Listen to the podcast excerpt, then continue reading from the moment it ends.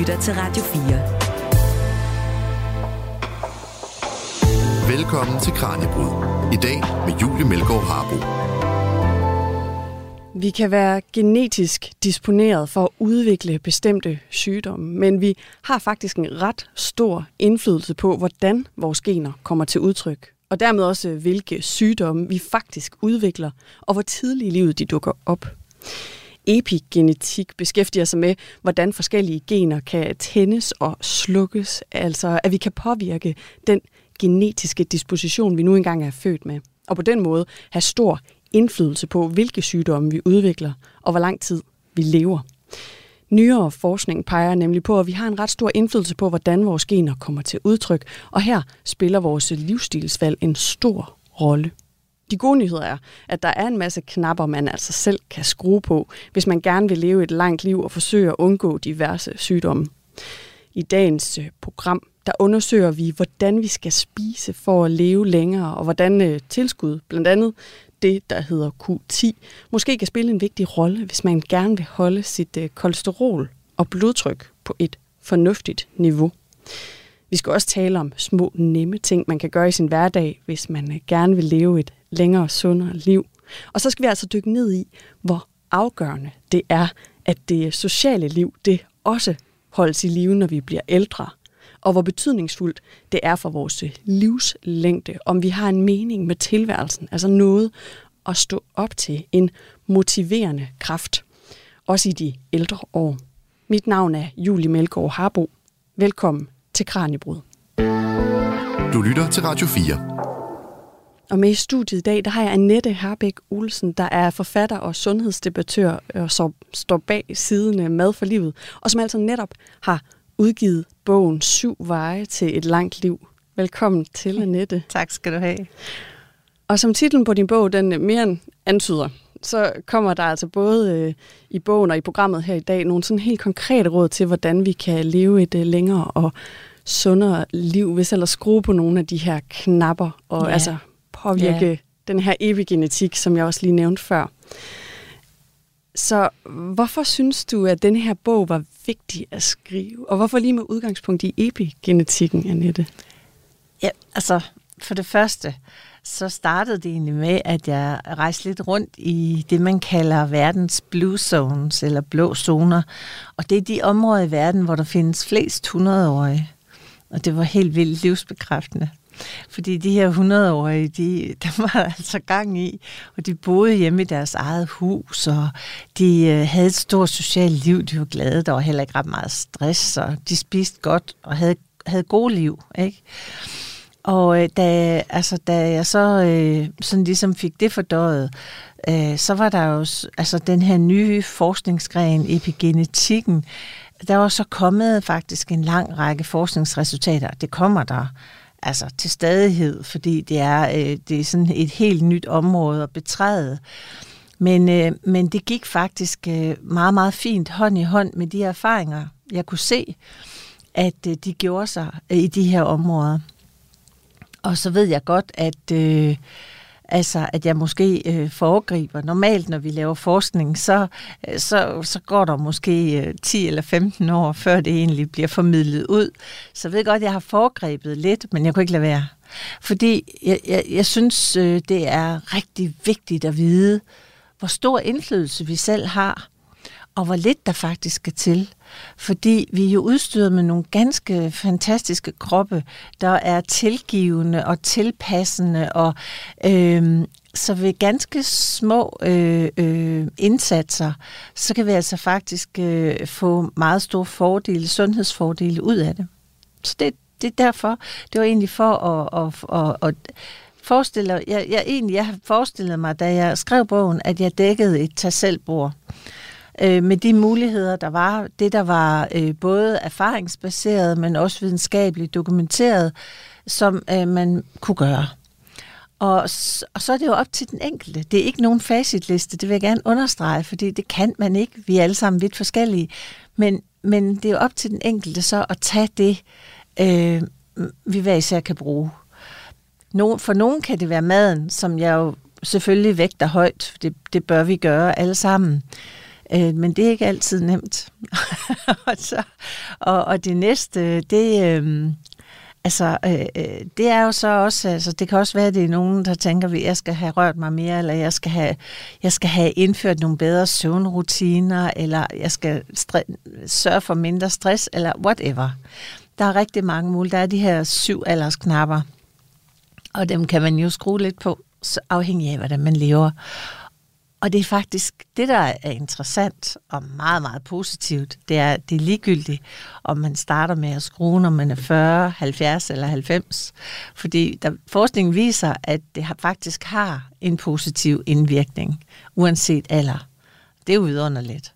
Og vi skal også have nogle af de her eksempler senere på, at også, også helt øh, øh, i den ældre alder, det kan gøre en forskel, ja. selvom du først begynder på nogle af de her ting, Præcis. når du er ældre. Ja. Men vi starter altså lige på vores øh, tallerken, for jeg kunne godt tænke mig først at spørge ind til betydningen af sådan noget som forarbejdet mad. Altså hvis vi, vi ved nok godt alle sammen, at pomfritter, det er ikke sådan, eller posen med slik, ikke er super godt for os. Men hvordan er det lige, det påvirker kroppen, hvis man får lige rigeligt pomfritter? Hvorfor er det, det er et problem? For hver gang, altså, altså jeg må sige, jeg er selv, jeg, jeg, jeg prøver ikke at blive frustreret. Men nogle gange kan jeg virkelig blive rigtig ked af det, når jeg er inde i nogle supermarkeder eller hypermarkeds, eller hvad det hedder, både herhjemme, men også ude i verden. Fordi jeg synes nogle gange, det kan være vanskeligt at sparke sig igennem alle de her øh, forarbejdede fødevarer i indbydende emballager. Og det er jo ofte det her, det er nem mad, og det, og det er faktisk øh, designet ud fra Øh, øh, den her forskningstese om, at det skal ramme det her bliss point inde i vores hjerner. Øh, og det er vi jo til falds for selvfølgelig. Øh, og det er jo tit også børnene kan pege på, når man, hvis vi skal have ovenkartofler, så skal vi købe de der frosne i den blå pose, ikke også? Fordi dem, der smager bedst. Og der, altså, så er det, det er jo sådan fuldstændig odiøst, at der så er, der er jo både dårlig fedt og sukker tilsat kartofler. Øhm, og det er jo ikke sikkert, at man lige får læst det, med, der står med småt, fordi det er ikke altid, man lige har en lup i håndtasken, for nogle gange står det med så små bogstaver. Og det, det, altså det, det er sådan noget af det, der, der gør mig på, øh, går mig på, fordi for hver gang du raffinerer eller forarbejder en råvare, så mister du nogle næringsstoffer, og ofte så er der også tilsat alt muligt skrammel. Nu siger jeg det direkte, som det er, fordi i min bog er det skrammel øh, øh, som, som vi slet ikke har godt af. Så øh, det, altså, jeg, jeg ser det som en, en trussel, generelt trussel imod vores sundhed. Altså, vi skal virkelig gøre en indsats for at komme tilbage til de gode, nærende, årstidens gode, nærende råvarer, og så skal vi lave noget mad fra bunden. Og faktisk så behøver det ikke at være så svært. Og vi kan også lave til to dage ad gangen, eller vi, og så har vi og så kan vi fryse ned, eller vi kan få det samme to dage i træk, hvis man kan, hvis man kan holde til det. Men, men, øh, men øh, altså, det er et spørgsmål om at få det sat i system. Og det er også derfor, jeg arbejder sådan rigtig meget med, med det her med madplaner. Fordi hvis man lige sætter sig ned med en kop kaffe lørdag formiddag, og lige ser på ugen, hvordan øh, ser den ud, og så får øh, øh, bestemt, om her der skal vi have den her grønne lasagne, eller her der skal vi have øh, suppe, eller der skal vi have det. Og lige få købt ind, så det hele er øh, øh, i, i køleskabet. Så er det meget nemmere at gå til, og så bliver det også en meget roligere, øh, hvad kan man sige, øh, det man kalder ulvetimen i de fleste familier. Ikke? Fordi man har det, der skal bruges, man ved, hvad der skal laves. Og når vi nu taler ud for det her epigenetiske ja. synspunkt, altså hvordan påvirker forarbejdet mad så de gener, og så de gener, vi giver videre? Altså, kan vores præferencer for forarbejdet mad blive givet videre til børn og børnebørn gennem den mad, vi spiser? Altså påvirker ja, forarbejdet jo, mad generne ja, på den måde? Det er der noget, der tyder på. Altså forskningen er ikke øh, helt til endebragt, men der er noget, der tyder på, at, at vi faktisk, øh, vores øh, valg af mad, at det giver vi videre både til vores børn og vores børnebørn. Og, øh, og det, øh, det, det kan måske altså øh, for nogen virke motiverende til også at vælge øh, de gode råvarer, de mest nærende og øh, uforarbejdede råvarer til. Fordi øh, alle de her, ja både de her dårlige fedt, det er jo altid de billigste råvarer. dårlige fedtstoffer, masser af sukker og sådan noget. Det, øh, altså, som, ikke hører, som måske ikke umiddelbart hører hjemme øh, blandt grøntsager. Øh, det, øh, det, det danner, altså det vi spiser, det er jo faktisk også det, der er øh, råvaren til dannelse af alt nyt i kroppen. Så det vil sige, at det er egentlig også bestemmende for, hvilke signalstoffer, der sendes rundt i kroppen. Så vi får egentlig lidt det tilbage, vi putter ind, kan man sige. Men også i forhold til vores gener, øh, det her nye med i gamle dage, hvis vi blev 100 år, så, så sagde man ofte, at de må have gode gener. Men øh, i dag ved vi, at det faktisk er miljøet omkring generne. Og det dannes jo i høj grad af det, vores valg af mad, vores daglige valg af mad, har kæmpe stor betydning. Så det vil sige, hvis vi, hvis vi vælger for meget af skramlet, så, så, øh, så kan det jo faktisk, øh, altså så kan det jo være, at nogle af vores dispositioner bliver slået til. Vi er jo alle sammen født med rigtig mange øh, genetiske dispositioner for alt muligt. Men det, der også er det nye, det er jo, at, at de ikke behøver at komme til udtryk. Altså, vi selv kan gøre rigtig meget for, at øh, de forbliver, han har sagt, i dvale. Og når vi så vælger de rigtige råvarer, vi vælger de grove grøntsager, vi vælger gulerødder og kål osv., ja. altså så er der jo også noget med, at der er færre vitaminer og mineraler i de her grøntsager, end der var for 100 år siden. Hvordan det, kan det være? Ja, det er jo også interessant. Det har heller ikke været helt nemt for de forskere, der fandt ud af det, at, at få adgang til de tal, men det har de. Og i for, hvis man sammenligner med for 80 år siden, så er der et, et virkelig stort fald i indholdet af mikronæringsstoffer øh, i, øh, i, i vores afgrøder. Og de er også mange af vores, øh, for eksempel vores rodfrugter er jo også forfinet, sådan at de Øh, altså de, de sødere, hvis man bitterstofferne er fjernet, forædlet væk. Øh, og de har faktisk også en betydning. Faktisk en ret stor betydning, fordi et er, at de beskytter øh, grøntsagerne, men de, de har altså også en beskyttende effekt i vores krop. De, de er tit forædlet væk, fordi de fleste ikke bryder sig om den her bitre smag.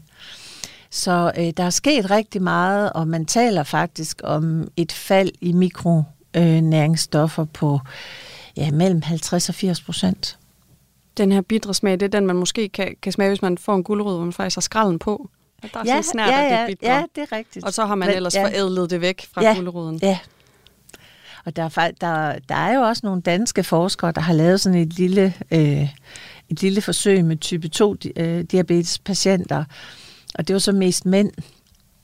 Og så fik man nogle af de gamle afgrøder op fra øh, genbanken i Svalbard og fik en, en, en, en landmand til at dyrke dem, og så skulle de jo så, den ene gruppe skulle leve, som de plejede, og den anden gruppe skulle så leve, hvor de så faktisk spiste de her, nu kan jeg faktisk ikke om det var 5 eller 600 gram af de her øh, gamle afgrøder og, og rodfrugter hver dag.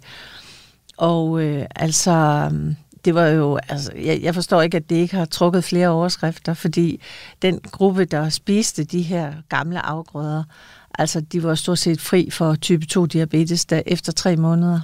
Og den anden gruppe fik også grøntsager, men ligesom dem, ja, vi kan købe i supermarkedet Ja, præcis, og der var ikke den store forandring. Så det er, øh, altså, det er tankevækkende, og jeg ved ikke hvorfor øh, vi ikke arbejder lidt mere for de gode råvarer. Øh, men, men det er klart, at øh, hvis du forarbejder en råvare og, og bruger nogle billige... Øh, øh, øh, ingredienser og, øh, og putter den i en smart emballage, så det bliver hurtigt og nemt og attraktivt. Altså, det er der selvfølgelig flere penge i. Det er klart. End en kartoffel eller en gulerod. Men hvad vil det kræve? Vil det kræve, at der var nogle landmænd, der faktisk kan man få adgang til, til de her frø, som de brugte i det her forsøg? Altså kan man som, som landmænd vælge at dyrke de her gamle ja, der er nogen, der er nogen, der gør det. Der er nogle øh, biodynamiske landmænd, der faktisk øh, der har de her gamle sorter også. Men det er jo, jeg ved ikke, altså vi er jo, vi er jo også lidt sjove i Danmark, fordi vi har jo heller ikke tradition for at bruge ret mange penge på mad. Det handler meget om pris. Og der, der kan også være sådan, altså, og der kan man sige, det er jo egentlig sjovt, fordi øh, altså er der noget vigtigere end at sørge for, at øh, den næring, vi består af, og vi skal øh, vi skal nære sig af, at den er god. men, men, øh, men sådan er der så meget. Men altså, jeg kunne jo godt tænke mig for eksempel, at man, øh, at, altså, man gjorde et eller andet fra politisk hold, som gjorde det nemmere øh, at, at leve sundere, fordi det har helt enorm betydning. Tænk også, hvis vi... Øh, altså, og man kunne jo starte, nu siger jeg bare noget, man kunne starte med skolerne, man kunne starte med plejehjemmene, man kunne starte med hospitalerne, og, og, og, og mange andre steder, hvor folk har særlige behov. Ikke? Og forestil dig, hvis børnene i skolen, de, øh, de, de lærte om, om, hvordan kroppen fungerede, og, og kom ud af 9. klasse med 10 øh, sunde opskrifter ind på harddisken. Verden ville se anderledes ud. Du lytter til Kranjebrud på Radio 4. Du skriver om det, der hedder epinutrienter i din bog. Hvad, hvad dækker det over? Ja, det er jo sådan også et, et nyt begreb, der er kommet i kølvandet af den her forskning. Og, øhm, og det, øhm, altså det er de mikronutrienter. Mikronutrienter, det er jo øh, vitaminer, mineraler og andre sekundære stoffer osv., som, øh, øh, som jeg, jeg plejer at kalde det lidt, at det er, det er råvaren til vores, øh, de her små, øh, altså for eksempel enzymer og øh, og alle de processer, der skal ske i kroppen, altså det der, du ved, den gnist, der, der, øh, der, der skal til for at tændrøret virker, for eksempel. Ikke? Så alle de mange milliarder af processer, der hele tiden sker i kroppen, de har faktisk brug for øh, de her små mikronutrienter. De fylder ganske lidt, men deres øh, betydning er kæmpestor. Og øh, vi, har, vi er ikke gode til at fokusere på det, men du kan ikke danne et eneste enzym i, i kroppen, øh, uden at der er vitaminer og mineraler til stede. Og der er der jo så også øh, nogen, der har betydning for øh, det her miljø omkring gener, men også omkring øh, den proces, der kaldes metylering, ikke? Også, som indgår i, i alle de her processer. Også i vores energidannelse. Også i jamen, stort set alt, hvad du kan tænke på. Så, øh, og der er jo så heldigvis øh, også nogle forskere, der... Øh, fordi det, der er jo ikke hverken prestige eller penge i, kan man sige, øh, at forske i, fordi at, at, vi, at de her stoffer kan ikke patenteres fordi det er også nogle af dem danner vi også naturligt. For eksempel koenzym Q10, som du var inde på før. Det er jo øh, øh sådan et øh, enzym, vi, øh, koenzym, som vi danner helt naturligt, når vi øh, faktisk producerer energi. Så øh, det er øh, et, et, det, det er dem, der er behov for, for at vi kan, altså, for at vi egentlig kan fungere optimalt og, og holde os øh, holde os øh, friske og raske længere. Ja, måske vi skal dykke lidt ned i de her forsøg, man har lavet med Q10, det her koenzym. Ja, ja. Hvad er det, man har kigget på her? Faktisk, ja, det er jo en, en forsker, der hedder Urban, øh, professor Urban Allerhagen, som er øh, fra Sverige, og han er kardiolog, og har jo i mange, mange år arbejdet øh, ud fra øh, altså, hvad kan man sige, de mere traditionelle behandlinger af for eksempel hjertekarsygdomme. Øh, og øh, han fik så mulighed for øh, nogle uafhængige forskningsmidler og, og, og, og, og se på forskellen mellem den mere traditionelle behandling af hjertekarsygdomme og så i forhold til en kombination af koenzym Q10 og selen og ellers næringsrig mad og, og, og øvrige vitaminer og mineraler. Øh, og øh, jamen, han måtte lave forsøgene fire gange øh, før, fordi det var så fine resultater, at, øh, at han ikke øh, selv turde tro på dem. så det viste sig faktisk, at den gruppe, der stod, der tog coenzym Q10 og selen, øh, i forhold til den gruppe, der fik den mere traditionelle behandling med statiner og blodtrykssækken osv., at de klarede sig øh, over 50 procent bedre. Øh, så øh, han er jo så blevet ganske overbevist om, hvor stor betydning det her har nu, og det er vi andre sådan set også. Øhm, og jeg synes, det er meget interessant også, fordi altså, øh, med, vi ved, at, at, at, at vi danner mindre koenzym Q10 med alderen. Der er egentlig mange ting, vi danner mindre af med alderen, som vi så netop via os øh, epinutrienter kan opgradere, altså sådan, at vi kan holde os på samme niveau som øh, som da, når vi er yngre. Øhm, og der er enzym øh, Q10 øh, et af de her stoffer, det virkelig kan betale sig øh, og, og have fokus på. Og så lever vi jo i et land, øh, som øh, altså har meget selenfattig jord. Altså hvis vi eksempelvis sammenligner med USA, de har meget selenrig jord. Så derover er det ikke så nødvendigt at tage selen, fordi mange afgrøder er naturligt rige på selen. I Danmark er der mange, der mangler selen. Og hvilken betydning har det, hvis man render rundt og mangler det? Ja, altså det, jo, det går jo, indgår jo som en komponent i, jeg tror, jeg tror det er mere end 200 enzymatiske processer. Så det er klart, at det vil halte, hele maskineriet vil halte, hvis man bare mangler en komponent.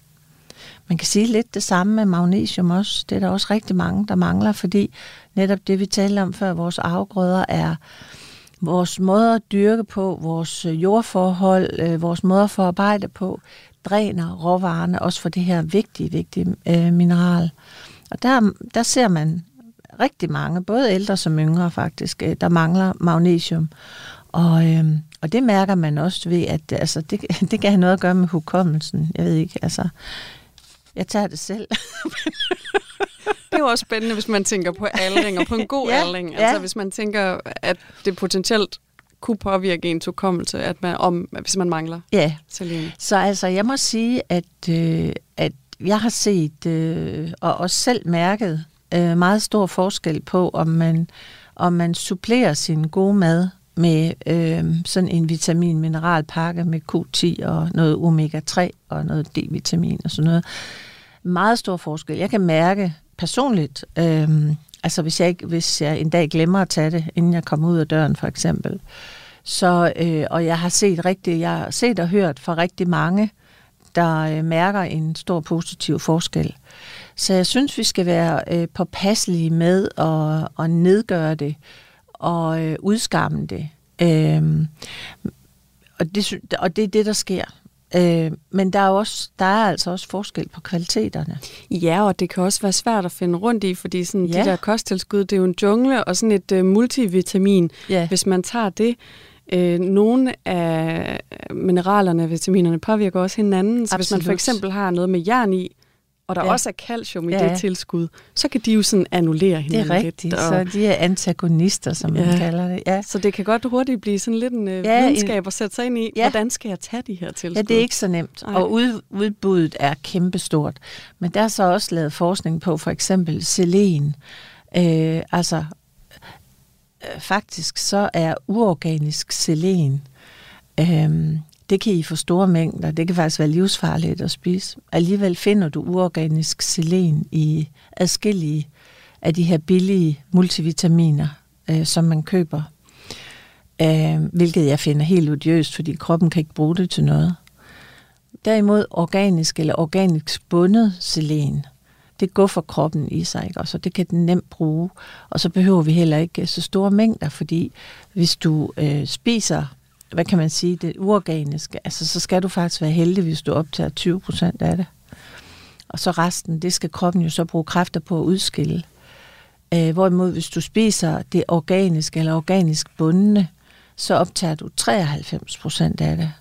Og det vil sige, at øh, mængderne du har behov for at lave, og der, altså derfor øh, altså, så er der heller ikke nogen fare på færre ved at, at øh, gøre det, men der er ikke, der er ikke øh, opmærksomhed på det, jeg, jeg prøver ihærdigt at stå og råbe her lidt ude på sidelinjen, fordi kvaliteten af de vitaminer og mineraler, øh, som vi indtager, øh, der, der er stor forskel, og vi skal, vi skal, vi skal ligesom opprioritere Øh, dem, øh, der er, har en høj optagelighed og en høj kvalitet, sådan at øh, vi ikke giver penge ud. Vi får en, det er også fordi mange har jo øh, på, altså på deres øh, køkkenbord øh, eller spisebord stående sådan en lille bakke med, så er der en multivitamin og måske også nogle til børnene, og så er der noget fiskeolie, og så står det der og hygger sig, og så giver det, en, det giver også en falsk tryghed. Man tager det hver dag, og så tænker man, nu har jeg gjort det, og nu er jeg sikret.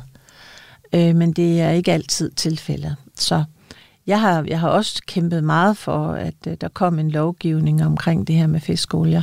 Men det er en længere historie, fordi jeg mener også, øh, at vi skal sikre, at de ikke er harske, og at de virker, som de skal.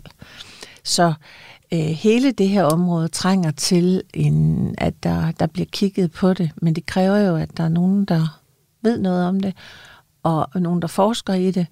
Og det er så der, hvor uh, det monetære kommer ind. At der er ikke penge i det. Ja. Og noget andet, der har en øh, stor betydning for vores sundhed og vores livslængde, det er altså tarmens mikrobiom, og det skal det altså handle om nu.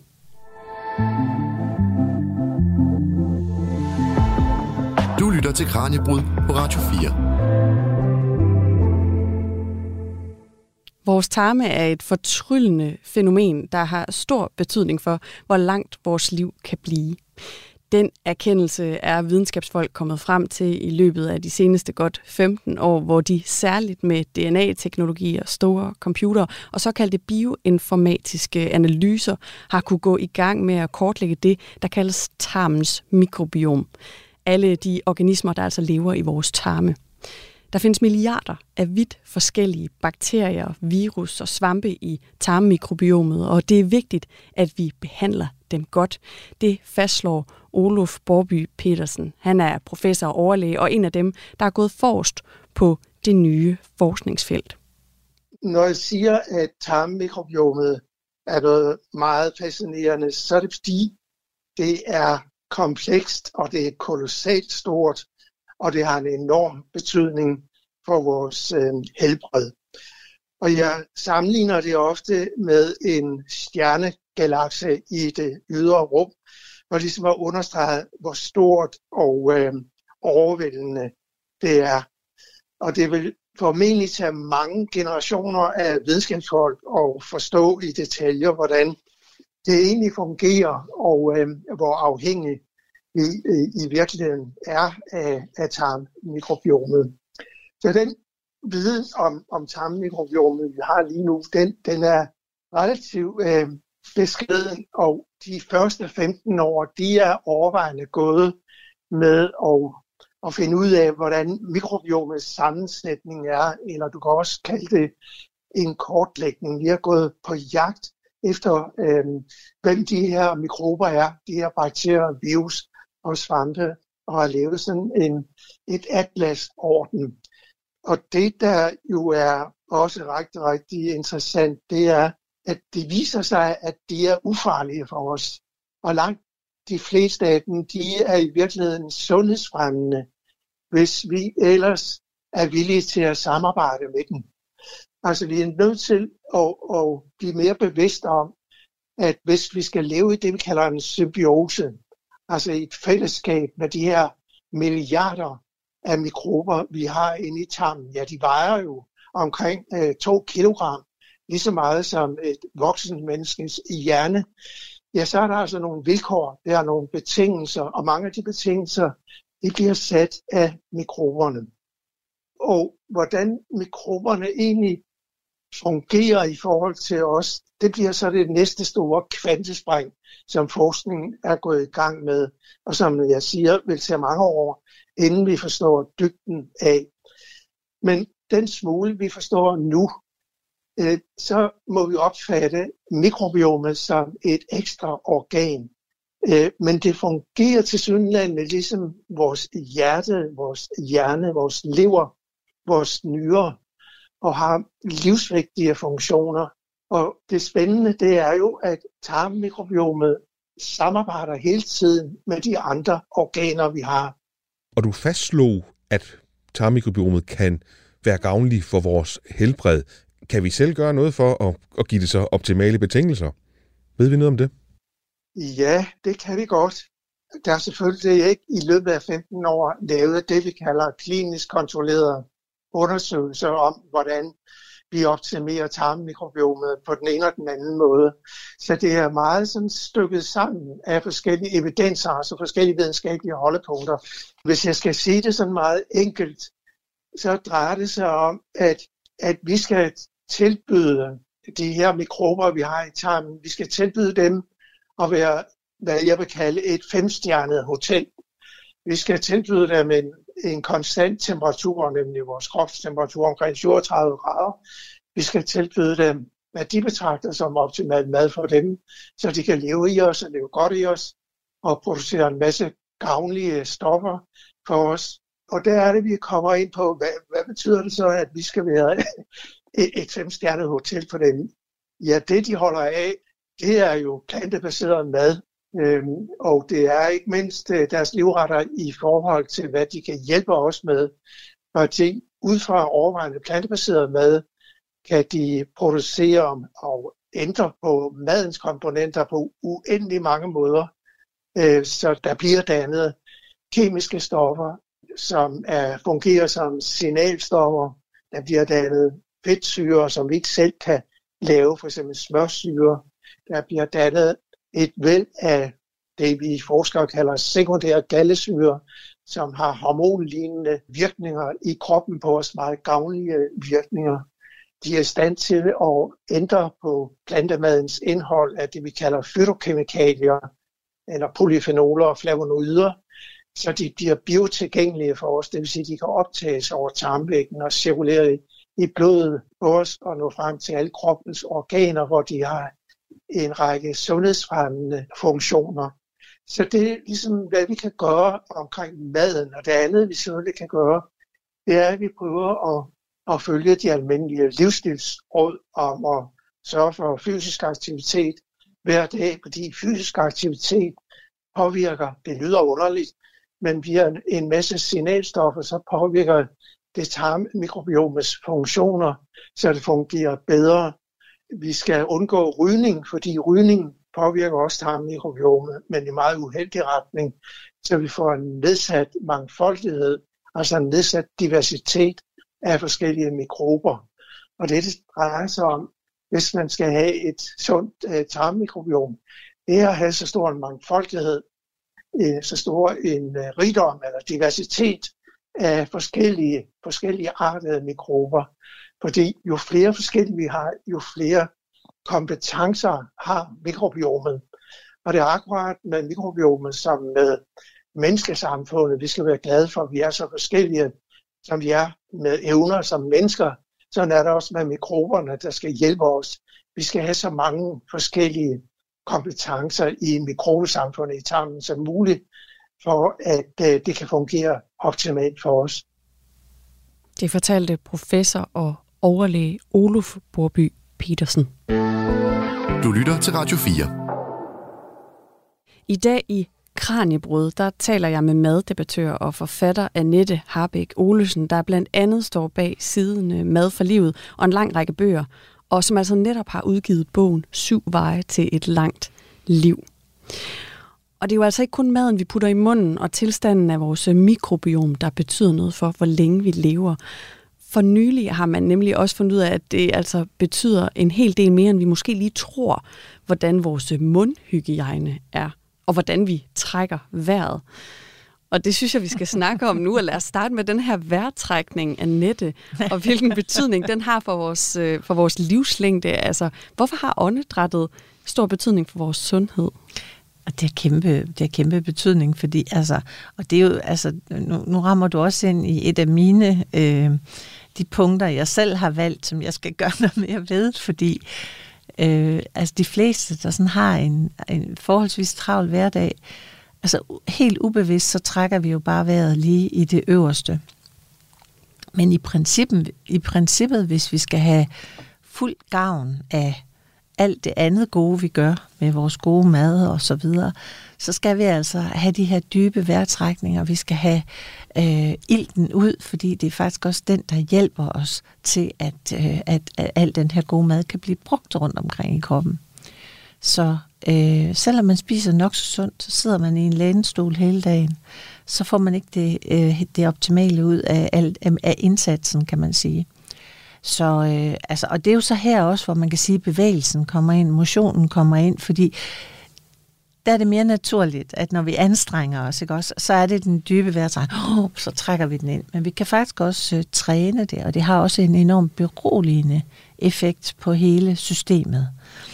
Så øh, jeg, jeg er stor fortaler for, at jeg, og jeg selv, øh, jeg har efter det her, jeg har ikke øh, helt mediteret så meget, som jeg plejer, da, fordi den her bog, den har taget sin tid. Men øh, det er jeg gået i gang med igen, blandt andet, fordi der er jo også, der indgår vejrtrækningsøvelser sådan set, også i hvert fald for mit vedkommende, og og det er ikke fordi, man behøver at meditere. Man kan gøre det på rigtig mange måder. Det behøver slet ikke være svært. Du kan også øh, bare lige indføre sådan, lige at tænke over det.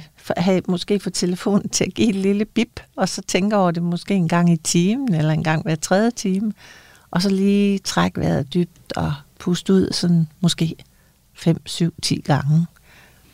Fordi det beroliger. Og det bringer mig faktisk over også til at sige, at øh, at øh, det har også, øh, altså det har selvfølgelig også noget at gøre med altså vores følelse af stress. Øh, og vi ved det egentlig godt. Vi siger tit sådan, hvis vi står i en eller anden stressende situation, lad os lige trække vejret dybt, ikke? og så lige tænke os om. Ikke? Og, og det var en af mine oplevelser fra de der, en af de der store åbenbaringer for de der blue zones eller blå zoner. Det var, at, øh, at der var nærmest et totalt fravær af stress. Altså, det eksisterede ikke. Der var altid tid til en god snak og til et godt grin, og der var, altså, der var sådan en ro over det hele. Øhm, og det er jo så forskellen på de samfund, og så også den måde, vi har indrettet os på i vores samfund, fordi de fleste, de har jo en eller anden form for deadline, eller noget, der skal være færdigt, eller nås, eller nogle børn, der skal hentes også. Øh, Øh, så øh, så det, det er et område, hvor jeg vil sige, give det noget prioritet. Det kan også være, hvis man går til yoga, så har man jo også automatisk øh, de her vejrtrækningsøvelser, eller i hvert fald øh, op, der er opmærksomheden på vejrtrækningen jo en del af øvelserne. Så der, der er sådan mange ting, man kan gøre. Det er vigtigt. Det er vigtigt, og det er selv et af mine indsatsområder. Og det er nemt nok, hvis man husker det. Ja. Men det er igen det der med måske at få en vane øh, ja. sat, i, sat i værk. Det er det. Der er lidt svært. Ja, det er det. Så nævnte jeg før, så nævnte jeg mundhygiejne. Det er måske noget af det, der kunne overraske mest. Altså hvorfor... Øh, man har forsket i, hvilken betydning tandtråd, og om vi bruger tandtråd, det kan betyde noget for vores livslængde. Hvad er det for nogle undersøgelser, man har lavet? Ja, altså det er jo ikke, nu er det ikke sådan, at det er mejslet ind i, i sten. Altså det er øh, sådan øh, forløbige undersøgelser, men man har faktisk længe vidst, at øh, tandlægen var en af de første, der kunne se øh, alvorligt begyndende sygdom i Altså, og, det, og det er jo både i, øh, hvad er det, det hedder, i, altså i slimhinderne i, i munden, hvad det hedder, det hedder tandkødet, og, øh, og i det hele taget i, i hele øh, mundens tilstand. Og øh, det er jo fordi, øh, at, øh, altså, at sidder der bakterier her, og uheldet er ude, så kan de jo sådan set øh, øh, altså komme ind i blodbanen, og så kan de jo øh, bevæge sig rundt i kroppen og skabe ballade. Og det er derfor, det er godt at sørge for, fordi, og, og man kan også sige, øh, at, at få de bakterier væk, og det gør man jo effektivt med, med tandtråd, eller med de her små børster, eller øh, hvad, hvad man nu foretrækker. Øh, så det er, en, det er en fin, fin rutine at få ind, øh, vil jeg sige. Øh, fordi det der med, hvor, med at have rene tænder, og også at have sunde tænder, det har jo også betydning for, hvor meget vi tykker maden, og hvordan vi nærer den her, det her tarmmikrobiom, som Olof så fantastisk fortalte os om. Ja, for jeg tænker, at der må vel også være en eller anden form for forbindelse mellem altså netop det, vi spiser, jo, ja. og, øh, vores, vores mikrobiom i tarmene, og så, ja. og så vores mundhygiejne, de bakterier, der er i munden. Ja, absolut. Man er også meget opmærksom på det her med, altså fordi der er også, øh, der er også øh, øh, for eksempel mælkesyrebakterier i, øh, i, i, i, i mundbiotagen, øh, hvis man kan kalde det sådan, øh, ligesom der er i, øh, og de har jo, altså, og vi skal også huske på, altså det er jo måske 70 procent af vores immunforsvar. Så det strækker sig faktisk helt op til munden. Så, så, så man kan sige, tarmmikrobiomet, det skal næres med de der 600 gram grøntsager, Øh, og lidt frugt, og, og, og hvad hedder det, mundhygiejne, der skal man børste tænder, og, og så skal man lige køre efter med noget tandtråd. Det, ja. Men altså, som sagt, altså, det, er jo, det er også forholdsvis ny forskning, og det er heller ikke sådan helt mejslet i sten. Men man kan sige, hvis der bare er den mindste indikation for, at øh, det kan øh, hindre sygdom, så lad os da for endelig gøre det. Det her er Kranjebrud på Radio 4. Det sidste, vi skal kigge på her i dagens program, det er, hvilken betydning vores sociale liv og vores øh, følelse af mening har for vores sundhed og for vores livslængde. Og lad os starte med det øh, japanske udtryk ikigai, der altså betyder en mening med livet, en øh, motiverende kraft. Vil du fortælle om, hvorfor det er vigtigt at kigge på mening, når det handler om sundhed og aldring? Ja, det er jo sjovt nok. Altså, det er faktisk det, der går igennem øh, alle de steder, hvor folk bliver rigtig gamle. Det er det her med, at der skal være en, altså, der skal være en mening med at stå op ud af sengen om morgenen. Ikke? Der skal være et eller andet, der er brug for en, eller der er noget, man skal, eller man, altså... øhm, og det kan man egentlig godt forstå, øh, når man sådan tænker efter, men jeg havde ikke, jeg, ikke, for, ikke før jeg selv oplevede det, havde jeg sådan tillagt det den der helt store betydning, men samtlige jeg har, af, af de gamle og ældre, jeg har talt med, de har nævnt det som, som noget helt afgørende. Og der er også et spændende studie, en øh, Harvard-professor, der hedder øh, Ellen Langer, som jeg i øvrigt også har haft øh, fornøjelsen af at, at høre og møde. Øh, hun lavede for en del år siden et, et studie, for hun havde observeret, hun er professor i, øh, i psykologi, eller var, nu hun gået på pension, men hun observer, havde observeret, at øh, rigtig mange, særligt gamle mænd på plejehjem, de ligesom sådan faldt lidt hen, og, øh, og kunne mindre og mindre, eller de følte i hvert fald selv, de kunne mindre og mindre, og det fordi alt blev jo gjort for dem. Og, øh, og så, så fik hun indvilget øh, en gruppe øh, i at, at deltage i det her eksperiment, så hvor halvdelen øh, Øh, så blev på plejehjemmet og levede ligesom de plejede. Den anden halvdel, de blev så kørt ud til et hus, hvor alt var ligesom i 50'erne, der hvor de havde haft deres storhedstid, kan man sige. Så øh, når de tændte for fjernsynet, så var det Lucy Show, og når det var radioen, så var det musik fra dengang, og så videre, og så videre. Og lige så alt var. Og de var så blevet opfordret til at, øh, at tale om tiden dengang. Og det, der var ret... og så de fik alle sammen opgaver. Det var også så vigtigt nok. Altså, det, det var så... Nogen skulle dække bord, nogen skulle tage ud af bordet, nogen skulle vande blomster, nogen skulle fodre, øh, hvad hedder det, guldfisken osv. Og øh, de var der en uge, og de var blevet målt og, efter alle de her aldersparametre, man nu kender. Og så øh, var de... Øh, før de tog afsted, og så da de kom hjem igen, så blev de også alle sammen målt. Og dem, der havde været afsted i det her hus, øh, de, øh, de blev faktisk vurderet til at være 10 år yngre. Og de havde fået en, et helt andet mod på livet. De var sådan frisket helt op, og lige pludselig øh, følte de sig værdifulde og værdsatte, og havde et fællesskab. Og, øh, og det var faktisk rigtig interessant, synes jeg, at der skal så lidt til.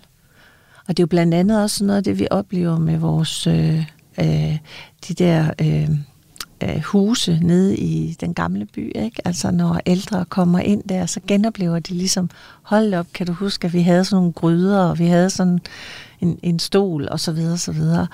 Øh, så der er, der er altså noget der, øh, der, der virker positivt og livsbekræftende ind. Så det, det er måske også noget, vi kan, vi kan lære af. Man kan i hvert fald sige, at, at generelt for, øh, øh, for de mennesker, der bliver rigtig gamle, og det vil altså sige, at øh, altså, øh, ja, altså det var så både øh, dem i 90'erne og dem øh, på 104, jeg mødte. Altså det var, at de var, altså de havde den der øh, mening. Der var nogen, der øh, der spurgte efter dem. Der var nogen, der, de, der var sammen med dem. De spiste sjældent alene. De var sjældent alene. Altså, så om de sad på torvet og drak en kop kaffe, så kom der altid nogen hen og talte. Eller hvis de sad på deres øh, altan eller terrasse, så var der altid nogen, der lige havde tid til at veksle et par ord. Øh, og det, nu ved jeg også godt, at, at, øh, at, at temperaturen, altså vejret og så videre, øh, betingelserne i, i, i de lande er måske bedre, end de er i Danmark for det. Men, øh, men, men jeg synes godt alligevel, at vi kan lære noget af det. Og vi kan, der er noget af det, vi kan bruge, synes jeg. Og det er ret interessant. Der var også en stor kinesisk undersøgelse, der viste, at øh, for nylig faktisk, der viste, at de kinesere, der, der, var, der ligesom var sammen med nogen hver dag, eller Uh, og det, det behøvede ikke at være længe eller noget. Bare det, de var sammen med andre mennesker og talte med andre mennesker, at det forlængede deres liv markant. Så, uh, så der, der ligger noget, vi måske overser.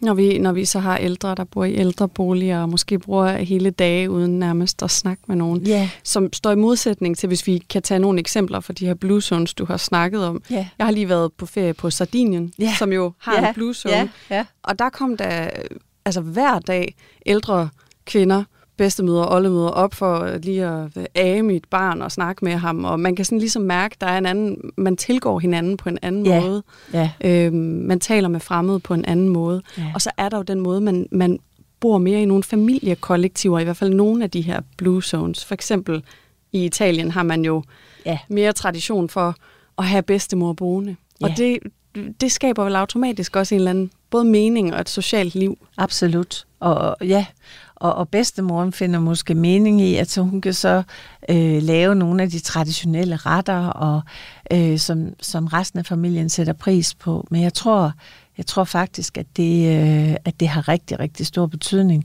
Man behøver måske ikke nødvendigvis bo sammen, men bare det, at, øh, at, at der er nogen, man føler sig knyttet til, og nogen, man, øh, man kan tale med. Det har, det har virkelig stor betydning.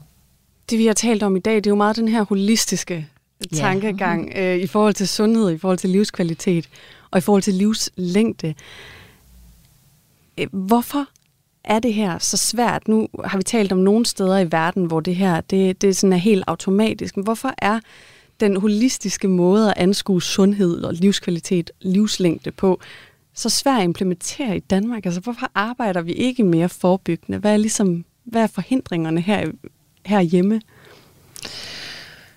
Stort Altså, spørgsmål. Ja, det er et stort spørgsmål. altså, jeg, øh, altså, faktisk, så kunne vi, hvis vi ville, så kunne vi lave vores egen blue zone her i Danmark. Vi har alle betingelserne for det. Også selvom det regner hele tiden. Ja, det kunne vi sagtens. Øh, altså, hvis vi ville. Og vi bliver flere og flere ældre. Øh, vi lever længere og længere, men, men øh, spørgsmålet er, om, om, om, altså, om hovedparten har det godt, har et godt liv i den der sidste tid. Ikke? Og øh, så det vil jo kræve enormt nu, altså der er jo sådan lige en ny blue zone på vej. Nå. Så øh, fordi, altså man kan jo beslutte sig for, at man vil implementere de her ting i et samfund, ikke? Og det har man jo så gjort i Singapore. Så den er sådan på vej som en upcoming blue zone. Hvad har man gjort her, Jeg, som var jeg, jeg anderledes? trænger til at dykke ned i det. Jeg ved, altså, jeg har bare læst uh, kort om det, at, uh, at det er på vej, men altså, man har jo gjort det uh, blandt andet, at man, uh, altså, man tager sig af de her aspekter, ikke også? Øh, og, og øh, altså, nu kan jeg for eksempel også sige, at på Ikaria øh, i Grækenland, som også er en blue zone ø, der er ikke et eneste plejehjem, men altså det er det sted i verden, hvor der bor flest 100-årige. Og det er sådan nogle ting også, øh, man kigger på. Men øh, så vi kunne godt beslutte os for det. Og faktisk så øh, er det min vurdering, at øh, vi vil blive et bedre og et rigere samfund af det. Og at sundhedsvæsenet kun vil koste en brøkdel af, hvad den gør i dag. Og at det vil være en lykkeligere befolkning. Men det er jo svært. Altså, det er jo ikke... Det, det er jo svært. Det kommer også an på, hvad det er for nogle parametre, vi sætter op. Og vi er jo også blevet øh, lidt, hvad kan man sige, vant til, at øh, hvis vi har ondt et sted, så går vi til lægen, og så får vi en pille, og det er jo dejligt nemt. Øh, så vi er heller ikke opdraget til at lytte til vores kroppe. Fordi øh, kroppen, den, den fortæller os rigtig mange ting. Også som Olof var inde på, på med tarmmikrobiome, som har en stor beskyttende effekt øh, mod alt muligt. Altså, men hvis ikke at tarmmikrobiomet bliver næret øh, og optimeret og passet på, jamen, øh, så, så kan det jo også blive vores største fjende. Og sådan, altså, det er jo sådan noget, hvor jeg også synes, at det, det, skulle vi, det skulle vi lære noget mere om, vi skulle høre noget mere om det, og vi skulle øh, inspirere os og nudges til at, øh, at leve på de her måder. Og, og nu vil jeg også, øh, men det er meget vigtigt for mig også at sige, at Altså, det må hverken, altså det, for mig er det her jo hverken ekstre, noget ekstremt eller noget fanatisk. Altså, det er faktisk bare rigtig god, øh, sund fornuft, fordi når vi nu skal være her længere og længere, hvorfor, hvorfor ikke sørge for, at vi så har det rigtig godt så længe som muligt, ikke? Men fanatismen har ikke hjemme her, øh, og, og det har det ekstreme heller ikke. Altså, fordi der skal være plads til der skal være plads til et glas vin, og der skal være plads til altså en flødekage og så videre rundt omkring. Vi, skal, vi må ikke komme derud, hvor, øh, hvor den slags ting øh, øh, bliver no-go. Men, øh, men vi kunne komme langt med ganske, ganske få øh, tiltag og midler. Så øh, altså, jeg, jeg synes, det, altså, det er bare det. Smil koster jo ikke noget. Glæde. Og så er der den gode mad. Og der, der har vi jo lige et stykke vej, synes jeg, her i Danmark, fordi vi øh, ikke, øh, at vi ikke optimerer for den gode mad. Det tror jeg vil være de sidste ord. Mange tak, fordi du havde lyst til at tale med mig. Annette Selv tak, det var en Harbeck fornøjelse. Olsen, det var en fornøjelse. Altså forfatter til bogen øh, Syv veje til et langt liv, som netop er kommet på hylderne, og som man kan, jo kan købe, hvis man har lyst til at vide mere om nogle af de her ting, vi har talt om i dag. Programmet her det er produceret af Videnslyd for Radio 4. Mit navn er Julie Melgaard Harbo. Tak fordi du lyttede med.